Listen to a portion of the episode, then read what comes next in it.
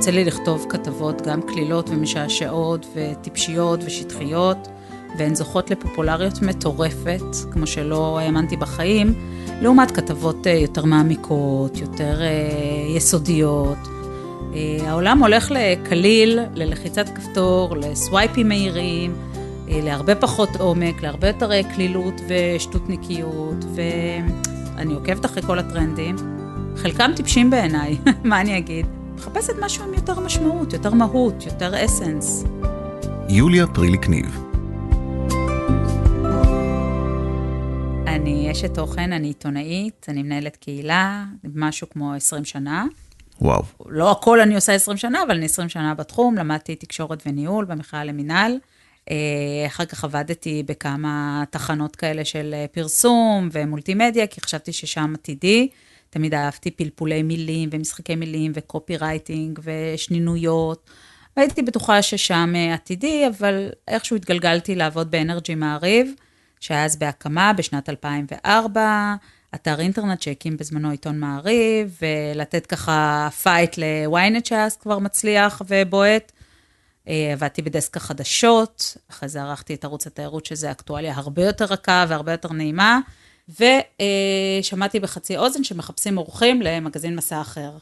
עבדתי שם כמה שנים טובות, כשהמגזין נסגר, אה, מזה עשר שנים, אני עצמאית, אני נותנת שירותי תוכן, אסטרטגיית תוכן, קופי רייטינג, אה, בנייה של תוכן, הכל, הכל, הכל, הכל, גם לגופי תקשורת ממוסדים וגם לגופים מסחריים. ונשאלת השאלה כמובן, אז למה לפרוש? תראה, עיתונות היא קצת חיידק. אנשים שנדבקים בחיידק הזה, אה, קשה מאוד להיגמל ממנו, להבריא ממנו, להחלים ממנו.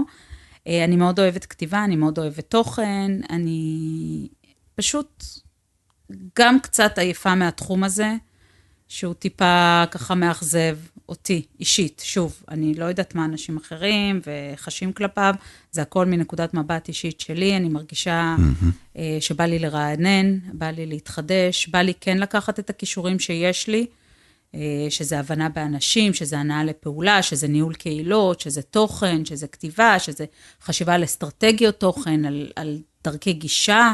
שהם דרך המילים הכתובות, אבל לארוז את זה במארז אחר, לחפש לי אה, בית אחר, אה, שיכיל את כל זה, פלוס עוד דברים מעניינים וחדשים שבא לי לעשות, כי more of the same זה, אתה יודע, אם אתה צועד אה, באותו מקום, אז, אז בעצם אתה לא מתקדם, אלא הולך אחורה.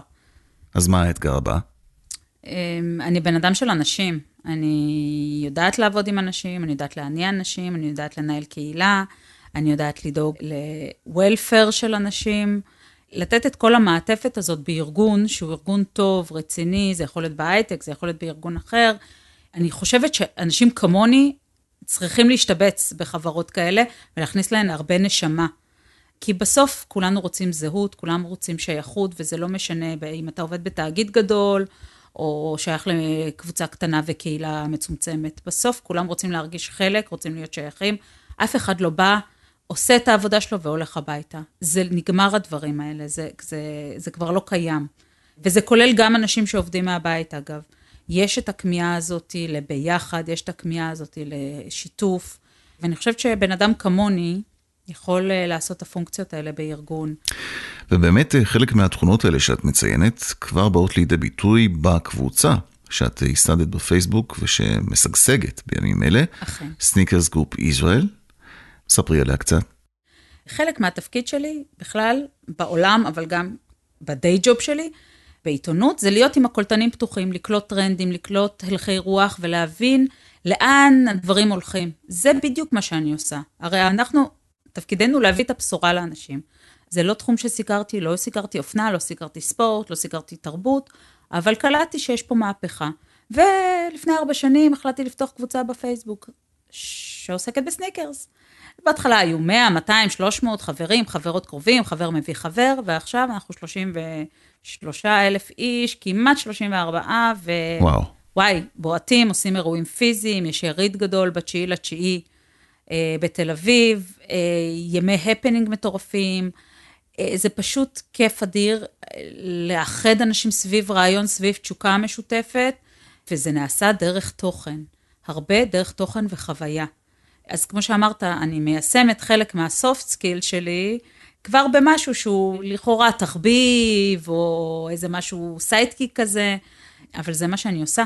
זאת אומרת, יש איתי שותפים, אנחנו עושים את זה ביחד, אבל uh, בגדול, לאחד אנשים סביב משהו שגורם להם כיף, הנאה, אושר, זה, זה וואו, זה, זה פשוט וואו, זה ממלא את אדם בעורקים ו- ומזרים אותו ככה יופי.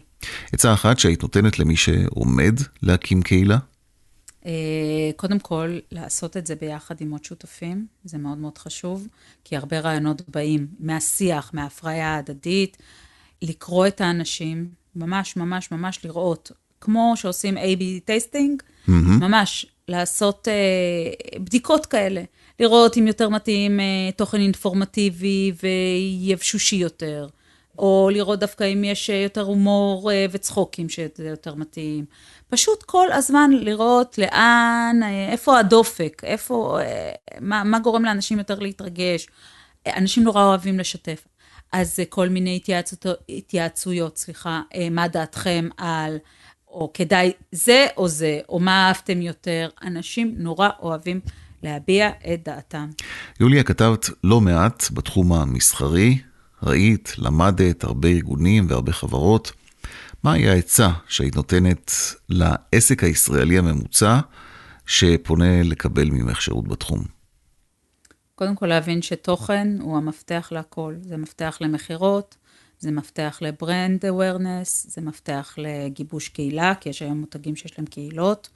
אה, תוכן הוא הכל, באמת, באמת, באמת. יש את הקלישאה שאומרת, התוכן הוא המלך, mm-hmm. זה נכון, זה עדיין נכון. מסכים. אה, וזה נכון יותר מתמיד, כי אנחנו באוקיינוס של מותגים, שכולם מנסים למכור לך כל הזמן, כל הזמן מנסים לשווק לך, להתבלט על פני האחרים, להגיד לך, פיק מי, פיק מי, פיק מי. אז צריך לבלוט, וכדי לבלוט עושים את זה על ידי תוכן וויזואליה. שבדרך כלל הם הולכים ביחד, שלובי זרועות. מבחינתי, גם סרטון טוב של 15 שניות זה תוכן. גם כתבה של 3,000 מילה זה תוכן. כל דבר צריך ונכון לארוז באיזושהי מעטפת שנוחה לאותו מוצר, שירות, פרק זמן, ערוץ שיווק, מסר שרוצים להעביר. לכל דבר כזה שחברה או מותג רוצים להעביר, יש את המענה הנכון. צריך לעבוד עם אנשי תוכן טובים, שמבינים את המותג, שחיים אותו בין אם הם בתוך הארגון, בין אם הם נותני שירותים מבחוץ, שיודעים לבנות את מה שנכון לאותו מותג. רק להגיד, בואו, יצא לנו קולקציה חדשה, יש את הדגמים האלה והאלה והאלה במחירים האלה והאלה, בסניפים האלה והאלה, בואו לקנות, זה כבר פסה מן העולם. זה רלוונטי אולי נקודתית פה ושם כדי לחזק איזשהו מערך תוכן הרבה הרבה יותר גדול, אבל מי שמבין לאן נושבות הרוחות, יודע שהתוכן הוא המפתח להכל. לחיבה למותג, להזדהות עם מותג. אנשים הרבה פעמים מזדהים עם מותגים הרבה יותר ממה שאנחנו חושבים. פרגני, יוליה, למותג כלשהו, למישהו, למי שהם, שסיפרו את סיפור המותג ככה כמו שצריך? אני חושבת שמותגים שהשכילו לקחת פרזנטורים שהפכו להיות מזוהים איתם מאוד ומדברים את דרכי המותג, הם המוצלחים, אה, כמובן עם מעטפת תוכן נכונה, אני אתן דוגמא את נספרסו העולמית, שהתחברה עם ג'ורג' קלוני כבר לפני הרבה הרבה שנים, זה לא חדש, וגרם למותג להיות בעצם איזושהי שלוחה של ג'ורג' קלוני. אה, ג'ורג' קלוני הוא דוגמה לגבר שגברים רוצים להיות אה, כמוהו, ונשים רוצות להיות איתו, וכשמותג כל כך מזוהה איתו, אז זה הופך, זה נורא משליך, הם משליכים אחד על השני, וזה פיצוח מבריק בעיניי. כל התקשור שלהם עובד על אותם ערכים ועל אותם מסרים לאורך המון המון שנים הם מאוד עקביים. תוסיף לזה חדשנות כמובן מוצרית, תוסיף לזה פטנטים רשומים, תוסיף לזה עוד אלף ואחת נקודות מכירה שנראות אה, אוללה ומיליון דולר. כל זה טוב ונכון ומגובה, זה תמיד שמש כזאת, שיש לה המון המון קרניים שבסוף הכל מתחבר. יוליה פריליק ניב, אשת תוכן, עיתונאית, מנהלת קהילה, תודה רבה. הרבה בהצלחה. תודה רבה.